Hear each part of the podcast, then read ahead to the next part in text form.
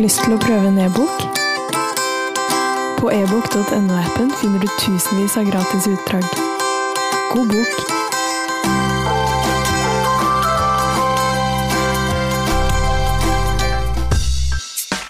Velkommen til Pocket og en ny episode av VGs ferske bokpodkast. Her møter du meg, Camilla Nordli, VGs bokjournalist. Og dagens gjester er krimforfatter Kurt Aust og VGs sportsjournalist og Tour de France-ekspert Anders Kokkin Christiansen. Hallo, hallo. Uh, hmm, tenker dere kanskje nå at uh, det her er jo et bokprogram, men uh, det er det jo i aller høyeste grad. Men i dag så trenger vi en sykkelekspert i studio, siden jeg kommer til å bevege meg litt ut på tynn is. Pocket skal nemlig handle om Tour de France, eller noe så pirrende som en Tour de France-thriller. En helt fersk krim skrevet av Kurt Aust. Og vi skal også tipse om noen gode Tour de France-bøker. Først bare Anders, sykkeleksperten i VG. Hvordan er det å gjeste et bokprogram, tror du? Nei, jeg syns det er hyggelig. Det er jo spesielt hyggelig når vi kan snakke om sykkel, som er mitt lille hjertebarn. Så jeg tror det blir spennende. Det blir spennende. For dagens hovedgjest, Kurt Aust, han er født i Danmark, men har bodd i Horten i Norge siden 1982. Og så er han mest kjent for å skrive svært gode historiske krimromaner. Satt til 1700-tallets Danmark-Norge.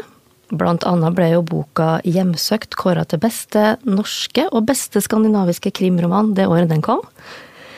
Så nå lurer jeg på, hvordan går man fra dette til å skrive en Tour de France-thriller, Kurt?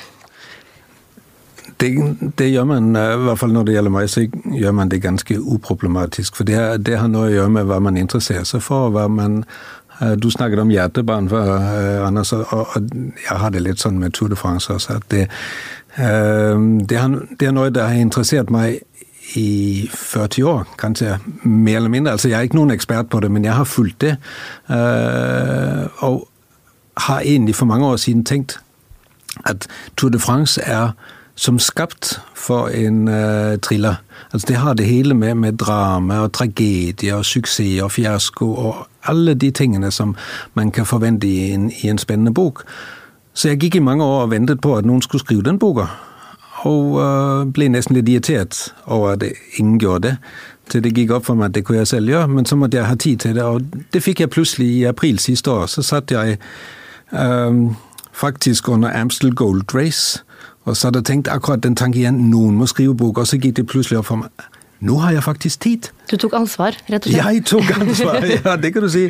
Og så satte jeg faktisk i gang med en gang. Eh, Anders, hva syns du om ideen? Er Tour de France en god setting eh, for en krimroman? Jeg syns det, det, er veldig bra, jeg. Ja. Um, sykkelsporten har jo noe sånn mystisk over seg. Noe, det er hemmelighold i denne sporten, uh, på godt og vondt, som gjør at, at settingen i så måte kan være veldig god.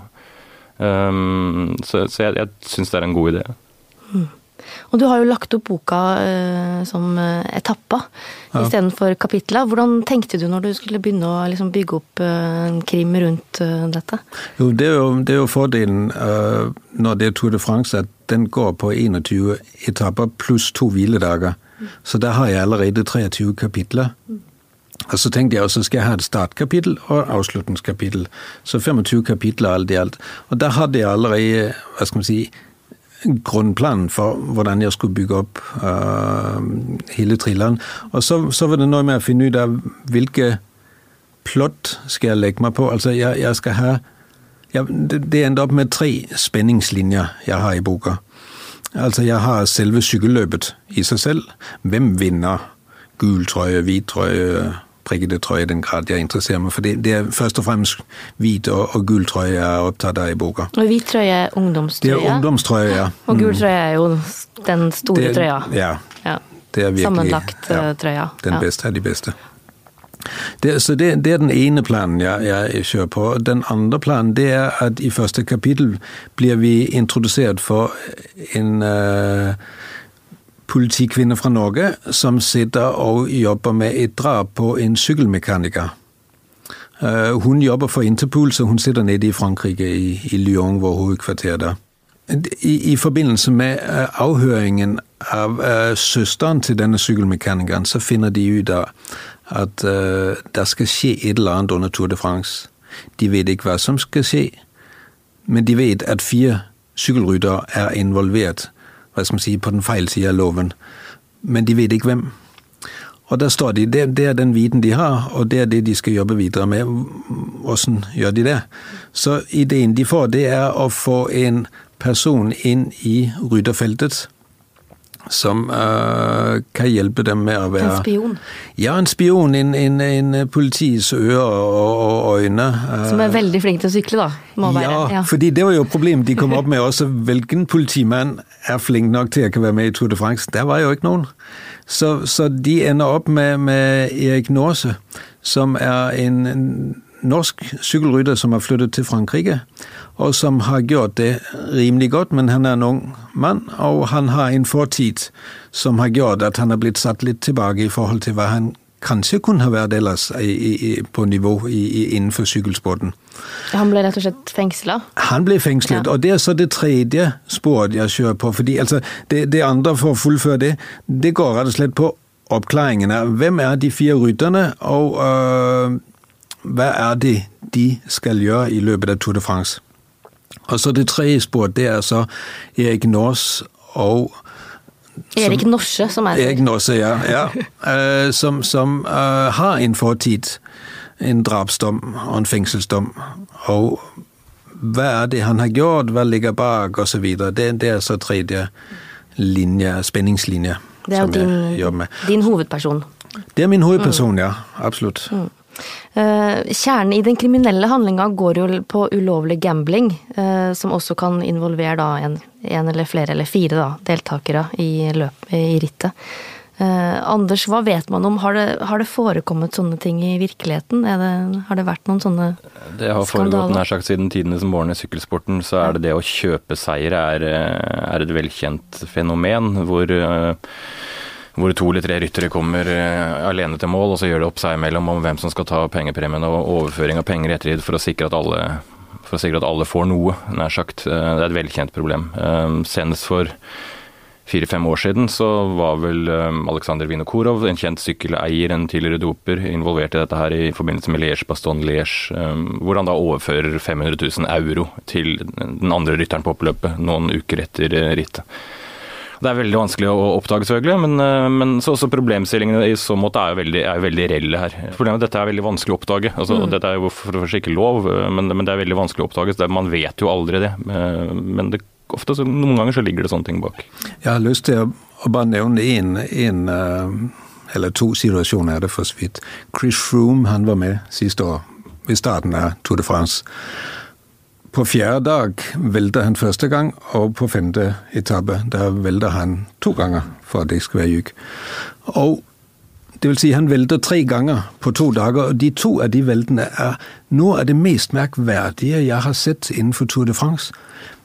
Begge ganger så skjer en rytter som kjører foran ham, plutselig tvers innenfor ham treffer forhjulet, og han går i bakken, og rytteren fortsetter. Og den ene gangen så, så, så, holdt han liksom hva skal man si, Det virker nesten som han holdt ansiktet skjult, så man har ikke til nå klart å identifisere hvem det egentlig var. Og den andre gangen så ble det, så vidt jeg husker, nevnt hvem det visstnok var. Men det jeg har undret meg over, det er altså fordi Chris Froome han gikk ut av Tour de France. Er det det der? Han var en av favorittene, han var en av storfavorittene. Og plutselig forsvinner han. Men har det vært noe opprulling? Hvorfor har man ikke gått nærmere på det? Og det, det har jeg lurt på. Verken pressen eller, eller sportsdirektør eller noen andre har sett nærmere på det der. Jeg har gått igjennom det på, på, på tape flere ganger og det ser veldig rart ut i mine øyne, det der. Vi er tilbake på det jeg snakket om at det er så forferdelig vanskelig å avsløre ja. intensjonene bak sånne hendelser som kan være reelle, eh, og som kan være selvfølgelig urent mel i posen. Hvis denne mm. rytteren ville felle Chris Froome med vilje. Mm. mm. Hvis man vet hvem det er, så kommer man likevel ikke nærmere en løsning. Men det gjør ikke det. Men, men, men eh, jeg, jeg stusser litt over at ingen har, har skrevet litt om hva Absolutt. Er det sånne, flere sånne episoder som du har brukt veldig inspirasjon til boka? Altså fra virkeligheten? Altså, det, det hender jo stadig at uh, tilskuere f.eks. Uh, treffer inn i en rytter. Det skjedde her under skiven nå her for få dager siden, at en med en kamera er ute sånn at en rytter går i bakken, og flere andre går i bakken. Og Contador, som en av de store favorittene der, også går i bakken. Mm. Så, så det, det, skjer stadig. Det der, og der er vi inne på det som andre sier også, det er så vanskelig å bevise om det er noe. Men jeg som uh, skjønnlitterær forfatter kan tillate meg å bruke det og si ok, her er et eller annet som lukter mm. av noe mer enn bare ren uhell. Mm. Uh, og så tenker jeg, når jeg leste om det, Kurt, så fant jeg en sånn krimskole i VG. Uh, du hadde, Det er en oppskrift på hvordan bli en god krimforfatter. Oh, ja, den, ja. ja. Uh, og det var litt morsomt, da, fordi jeg tenkte å spørre deg om du følger litt din egen krimskole, blant annet på dette med at egentlig så sier du at morderen skal ha blitt presentert for leseren innen side 38. Ja. Er det sånn her, eller? Ja. ja, det er det. Det er det, ja. Uten å avsløre selvfølgelig hvem det er. Men der, der skal det også sies med den, den krimskolen som det, det, er vel påsken for et år eller to siden, jeg husker ikke, at, at den er skrevet med litt ironi, men den er skrevet med utgangspunkt i noe som egentlig langt på vei er reelt ja. når, når, vi tenker oppbygging av krim. Jeg skriver jo også at tittelen må inneholde ja. Uh, døden, døds eller et eller annet sånt. Uh, eller, det var nemlig det jeg skulle fram til. Du skriver at titlene egentlig helst består av bare ett ord, eller to ord, mm. og ett av de ordene må være noe med død eller død eller Ikke sant? Og hva er tittelen på boka her? Det er Dødt løp. Dødt løp, ikke sant. Der, der, Men det skal så sies at det er første tittel av de 12-13 titlene jeg har som inneholder ordet. Eh, men uten å avsløre for mye, så er det vi snakker om i hvert fall to mord. Så det, mord, det skjer eh, det, det, Sykkelløp er farlig. Ja, sykkelløp er farlig. Den perfekte oppladninga til årets Tour de France, kanskje, Anders? Ja, jeg syns i hvert fall at hvis du er sykkelinteressert og liker skjønnlitteratur og leser bøker, så må dette her være en, en god kombinasjon. Mm. Eh, men litt tilbake til Erik Norse, som jeg ser. Erik Norse. Eh, hva slags person og hva slags syklist er han? Han er en, en uh, ung Han er 23 år. Ung, ambisiøs og um, litt sånn tilbakeholden. For, ikke forsiktig på, på, i feltet, men forsiktig ellers som person. Um, I feltet så Han, han uh, er rimelig god som det man kaller klatre. Altså han, han gjør det ganske bra i fjellene, og han er en god temporytter. Og det med tempo det var noe han lærte etter han kom til Frankrike. Han er ikke så spurtsterk. Så han er, øh, i og med at han er forholdsvis god i de to tingene der, da blir han en god hjelperytter. Og det er det han blir brukt som i det teamet hvor han øh, kjører mm. på det laget. For du går jo litt inn i sykkelverdenen og de forskjellige sykkeltypene og oksa, geit, klatrer, spurt altså, Anders, kan du forklare oss litt mer om de hovedsyklisttypene i Tour de France? Nei, altså det er jo det, det, for, for, de som ikke følger sykkelsporten tett, og de som ser dette utenfra, så ser det jo ganske, kanskje kaotisk ut. Um, og de skjønner kanskje ikke Og det er noen ganger vanskelig å forklare at dette er en lagsport. Um, man ser på dette som 200 syklister som sykler siden av hverandre, så er det førstemann til mål. Uh, slik er det jo ikke. Uh, sykkel er en lagsport, og det består av av ryttere med ulike kvaliteter. Akkurat som fotball, eh, et fotballag har eh, forsvarsspillere, du har noen som er gode til å skåre mål. Du har en midtbanestrateg ikke sant? Eh, som kompletterer hverandre og blir et lag. På akkurat samme måten er det, er det sykkel. Noen er gode til å klatre. Noen er gode til å ta vind og være en, en maskin på, på, flatene.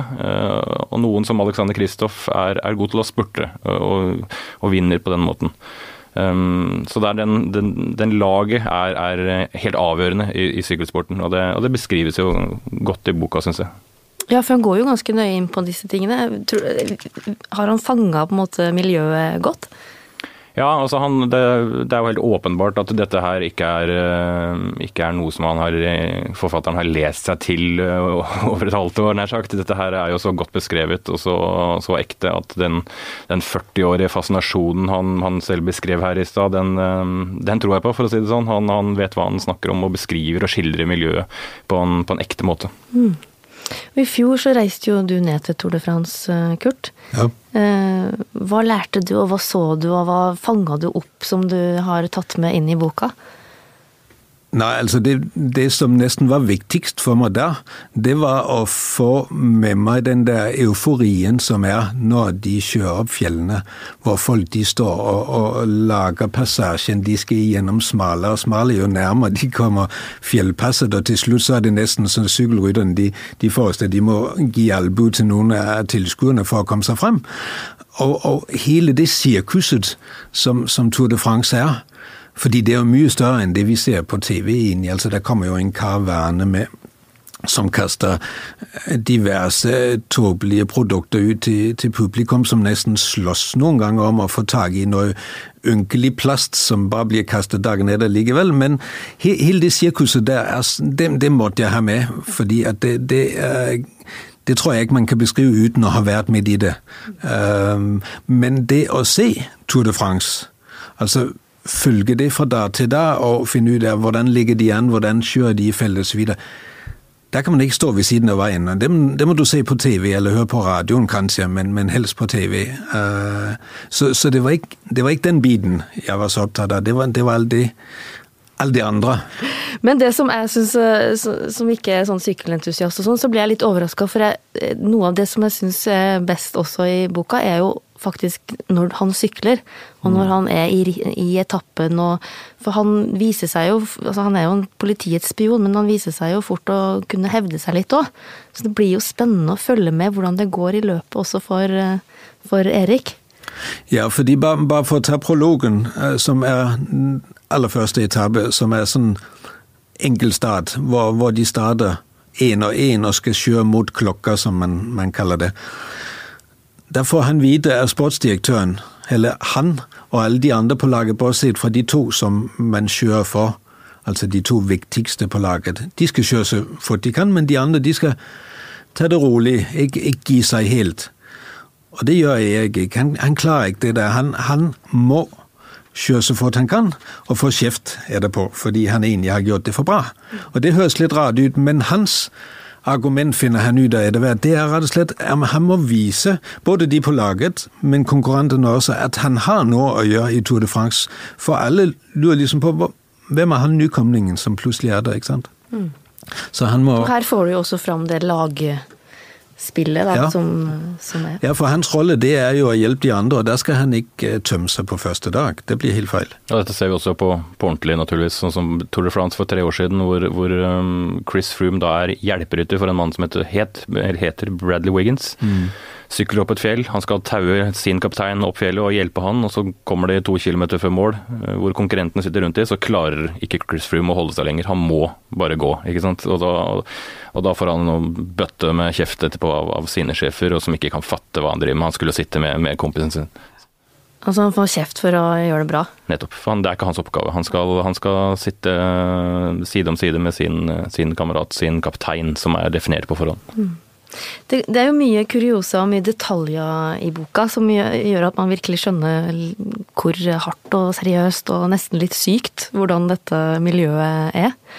Eksempel det her med at noen lag har egne team som drar i forveien og skifter madrasser på hotellene. Mm. Sånn at de skal sove på sin egen faste, vante madrass og sove godt på natta. Mm. Eh, er det virkelig sånn, Anders?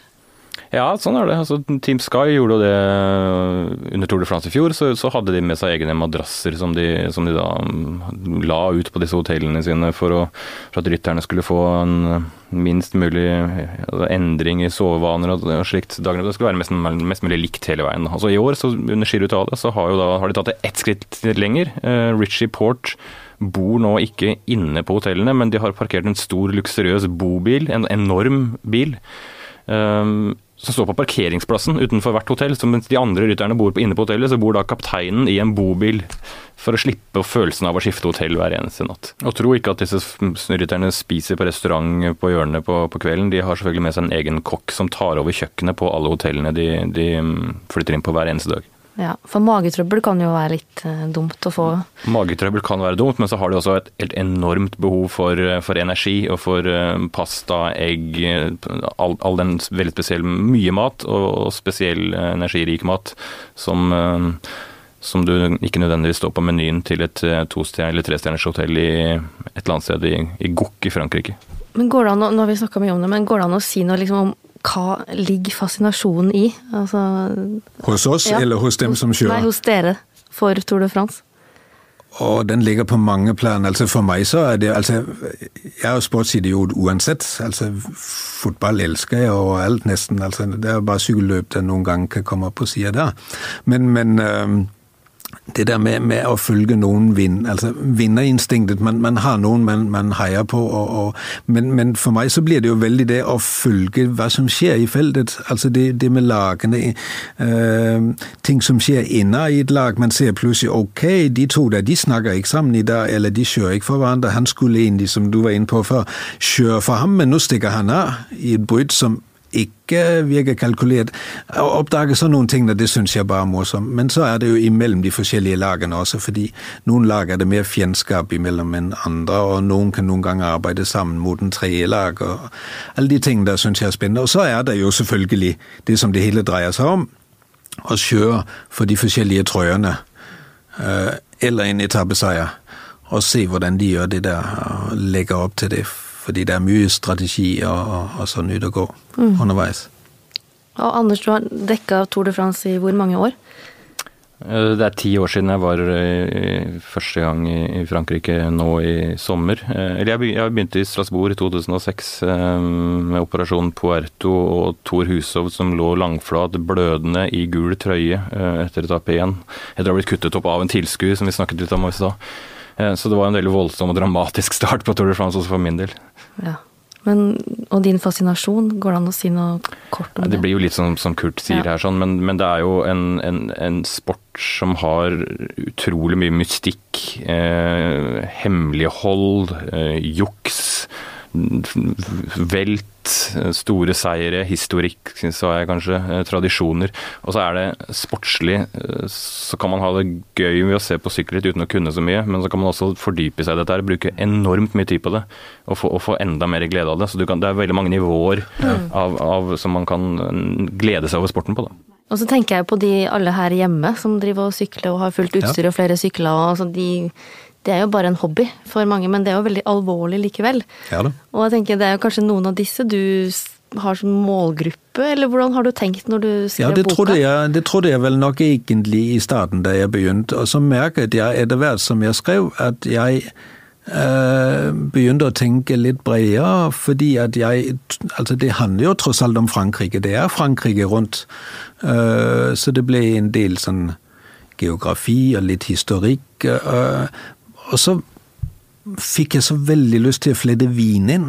Men når, det gjelder målgruppe, så, så uh, trodde jeg så at jeg hadde spent litt videre, men jeg var litt usikker på, på hvorvidt egentlig nå da jeg var ferdig med boka, Uh, og har vært veldig spent på tilbakemeldinger. Og så har jeg jo, i forbindelse med at boka ble sendt ut til bokhandlere nå av dette påske, det man kaller sånn en, en forhåndsutgave, og der har jeg fått masse tilbakemeldinger. Og det er fra mange som egentlig ikke er interessert i sport eller har peil på sykkelløp. Ja, hvis det er mulig, så har jeg lyst til å lese en opp som jeg fikk, som jeg, Ja, ja, ja, syns var, var så flott. Og det er en butikksjef eh, fra en Ark-bokhandel eh, på Rommetveit som, som skriver Har lest boken og greide til min forundring ikke legge den fra meg. Min sportsinteresse er lik null, og jeg har absolutt ingen kunnskap om sykkelsport. Likevel fenget den. Og da ble min målgruppe plutselig mye større, og det er jeg bare fornøyd med. Før vi går over til litt boktips, øh, så må jeg spørre, tenker du at det blir flere bøker om øh, Erik Norse? Så langt nei. Nei. Øhm, jeg, det, det, var, det var et par stykker av de jeg fikk tilbakemelding fra, som, som allerede var klar til å lese nummer to. Og jeg har ikke Altså, jeg har skrevet den som om det er en én bok. Om det skulle komme inntil, til, så må det være en overraskelse både for meg og andre, fordi jeg har ikke noen uh, ideer overhodet nå. Jeg har en, nei da. Ja, ok. Bra, den tar vi det på. Du får gå løs på forskjellige sportsmiljø, nei da. Ja, nei, ja. tenkte Vet du altså, hva, jeg var ved å tenke Ja. på det neste. Det skulle være en sjakk-krimi. I Pocket så pleier vi å avslutte med gode boktips. Og i dag så syns jeg at vi må holde oss til temaet. Eh, Nå har jo jeg googla etter sykkelbøker og sånn, eh, og det fins uhorvelig mange.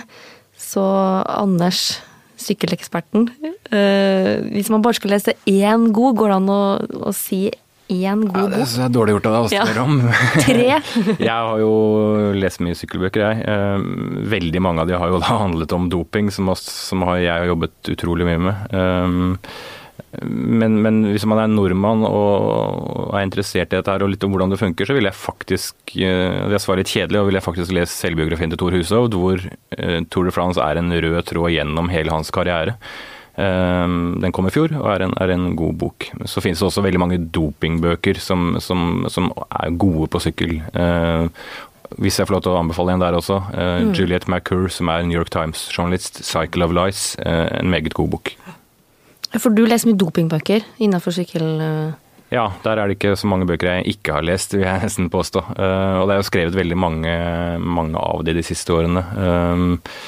Det ligger en jeg ser Kurt har tatt med seg en bok her også. Um, Tyler Hamilton uh, skrev en bok som, som på sett og vis har forandra sykkelsporten de siste åra, fordi den har rullet opp uh, hva som egentlig skjedde rundt Lance Armstrong gjennom, uh, gjennom mange år. Uh, også, en, også en meget god bok. Jeg har besøkt, selv besøkt Tyler Hamilton hjemme i Montana, og det er en fascinerende historie. Og det som er med den også, det er at den er så velskrevet. Den er så velformulert. Det er så bra språk i den. Det er, han har, altså det er en det heter Daniel Coyle som har skrevet den sammen med Trailer Hamilton. Og det, det er en nydelse å lese boka. Altså det er ikke alle biografier av sportsfolk som er like hva skal man si, altså De kan være spennende å lese pga. innhold, men språket er ofte noe det halter litt igjen. Men den her den er veldig bra skrevet. Og Derfor har jeg den på lista av de tre jeg anbefaler. Men bare for å avslutte det dopingsporet. Altså, den, det ligger jo litt og ulmer bare litt i, i din krim. Ja. Det er kanskje litt mye å gå inn i, på en måte. Altså, Nei, men det, det, det var nesten øh, Jeg tror nesten det var første punkt jeg satte meg for, at, at det skulle ikke være hovedtemaet. Fordi det hadde vært så mye om, så, så det ville liksom være for opplagt. Så det, hvordan er ståa nå, liksom? Er det renere enn før, og hvordan Ja, altså det, det kan i hvert fall ikke være verre. Fordi eh, for, eh, på, på midten av 90-tallet så, så, så var det så skittent at alle sydde syklet du tre uker skitt. Altså ja, det var, det, alle brukte doping. Uh, I dag så er vel alle enige om at det er mye, mye bedre. Uh, og så er alle samtidig enige om at det fortsatt er en del, hvor stor andel det vet vi ikke, men en del som, som bedriver juks. Fordi det dessverre ikke er så lett å, å ta eh, jukserne og teste positivt som det man skulle ønske at det var. Men du, Kurt, hvis du skal anbefale den gode sykkelboka Altså, Nå har jeg anbefalt en, en biografi, altså 'Det skjulte rittet' med, med Tyler Hamilton og Daniel Coyle bak den. Um, og så har jeg lyst til å anbefale en bok om Tour de France, hvis man liksom vil gå inn i historikken bak det. Og det er en nordmann det heter Hans Petter Bakketeig, som har skrevet 'Kampen om den gule trøya'. Og den er fra La oss si den er fra 2008, så den stopper altså for, for øh, syv år siden. Uh, og det er vel kommet en siden som er mer Som har de siste årene med seg. Det kom i men, men den har jeg ikke lest, så den, den kan jeg ikke si meg noe om. Og så har jeg lyst til å anbefale en skjønnlitterær bok til slutt, øh, som øh, heter 'Sykkelrytteren'. Og det er en nederlender, det heter Tim Krabbe, som skrev den for en del år siden. Øh, Den kom på norsk i 2009 og som er en tynn, øh, liten bok som, som handler om ett sykkelløp som hovedpersonen er med på. Og den er veldig spesiell, veldig spesielt skrevet, og nok fordi litt nerdete om, omkring sykelløp, sykkelløp, men den er velskrevet og veldig morsom og spennende å lese. For de litt nerdete så har jeg skjønt at den er en litt sånn klassiker Uh, Ja, jeg tror den er Ja. Jeg, jeg vet ikke om du har lest den? Nei. Nei. Sånn som jeg har liksom hørt rundt i, i, i de jeg kjenner, så, så de som er aller mest interessert, de har lest akkurat den der, og, og henviser til den i noen sammenhenger. Sånn. Og nå er det den og din bok, da, som Ja. kommer til å stå ut i det skjønnlitterære Tour de France-litteraturen. og da skal vi avslutte eh, andre pocketutgave med å si takk. Tusen takk fordi jeg ble invitert. Forfatter Kurt Aust. Og VGs eh, Anders Kokken Christiansen. og ikke minst vår produsent Magne Antonsen. Og husk at alle gode bøker havner i pocket til slutt. Lyst til å prøve en e-bok? På ebook.no-appen finner du tusenvis av gratis utdrag. God bok!